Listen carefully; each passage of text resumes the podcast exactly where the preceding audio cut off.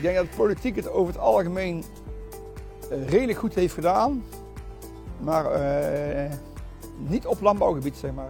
we zien nu dat veel partijen, politieke partijen, maar ook, ook andere partijen, dus nu even de burger die weinig kennis heeft van de agrarische sector, gaat vertellen hoe alles zit. Ja, dat is als je, hetzelfde kan je eigenlijk vergelijken als dat je Spaans leert met Engelse boeken. De aanpak van de stikstofcrisis heeft het vertrouwen in de politiek onder boeren en tuinders flink aangetast. Bij maar liefst 63,1% is het vertrouwen gedaald. Dit zorgt ervoor dat 41,7% van de boerenstemmen op 17 maart naar een andere partij gaat.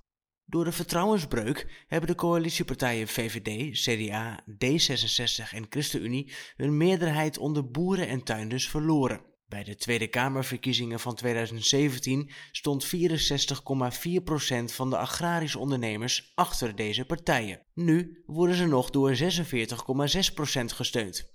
Zo blijkt uit een verkiezingspeiling onder ruim 3500 agrarische ondernemers in het Nieuwe Oogst Opiniepanel. Uit de verkiezingspeiling blijkt dat het politiek landschap in de agrarische sector meer en meer versnipperd raakt. Partijen kunnen in de laatste maand voor de verkiezingen nog profiteren van de zwevende kiezer. Die groep is in 2021 met 18,9% veel groter dan in 2017. Daarbij moet wel worden opgemerkt dat de peiling vier jaar geleden korter op de verkiezingsdag werd gehouden. Deze keer werd de enquête gehouden in week 5 en 6. Ik stem eh, SGP voor de gemeente altijd. En dan trek ik de lijn door naar het landelijke, omdat het een partij is waarvan wij weten wat we eraan hebben. Ze zijn eerlijk en ze hebben een beetje een rechtlijnig beleid. Ze zijn boervriendelijk.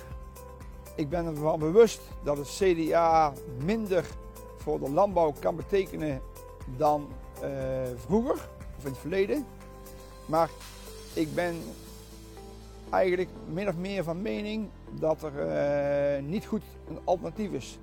Ik ga dit jaar op uh, boer-burgerbewegingen stemmen. En dat heeft uh, toch als reden dat ik zeg, ja, uh, zijn toch meer voor het platteland. het platteland wordt nu door de huidige overheid veel te veel ja, negatief behandeld. En ik vind dat er meer stem vanuit het platteland mag komen.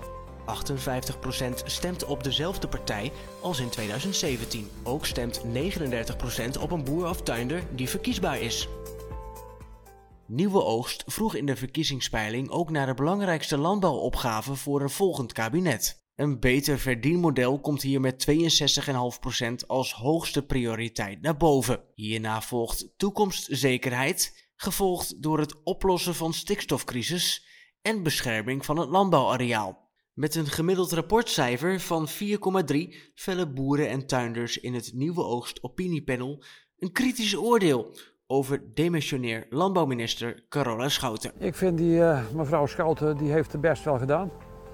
Maar uh, ja, bepaalde dingen daar ben ik het ook niet mee eens. We weten niet waar we aan toe zijn. Het verandert. Het is vandaag zo en morgen is het zus. Ik geef Carola Schouten uh, een 5 als rapportcijfer als minister. Ze doet wel de best. Ik geef ze geen onvoldoende. Ja, wel een 6,5.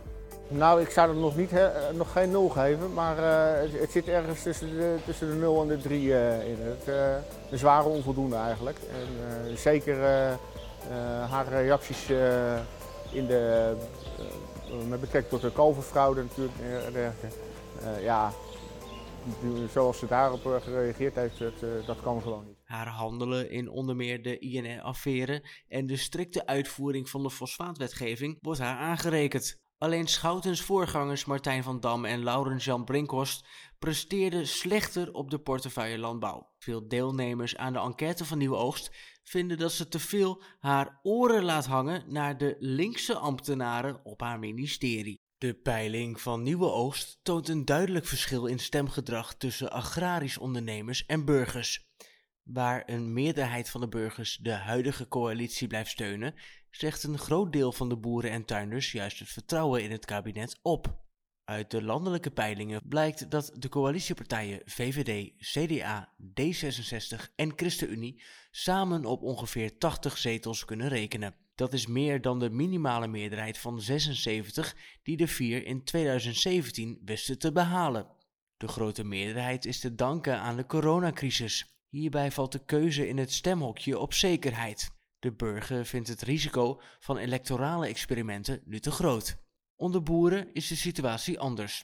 VVD, CDA, D66 en ChristenUnie verliezen in de peilingen van Nieuwe Oogst hun meerderheid onder boeren en tuinders. Deze kiezers rekenen het kabinet af op de aanpak van een andere crisis, namelijk de stikstofcrisis. Wilt u meer weten over dit onderzoek? Kijkt u dan even op onze website nieuweoogst.nl.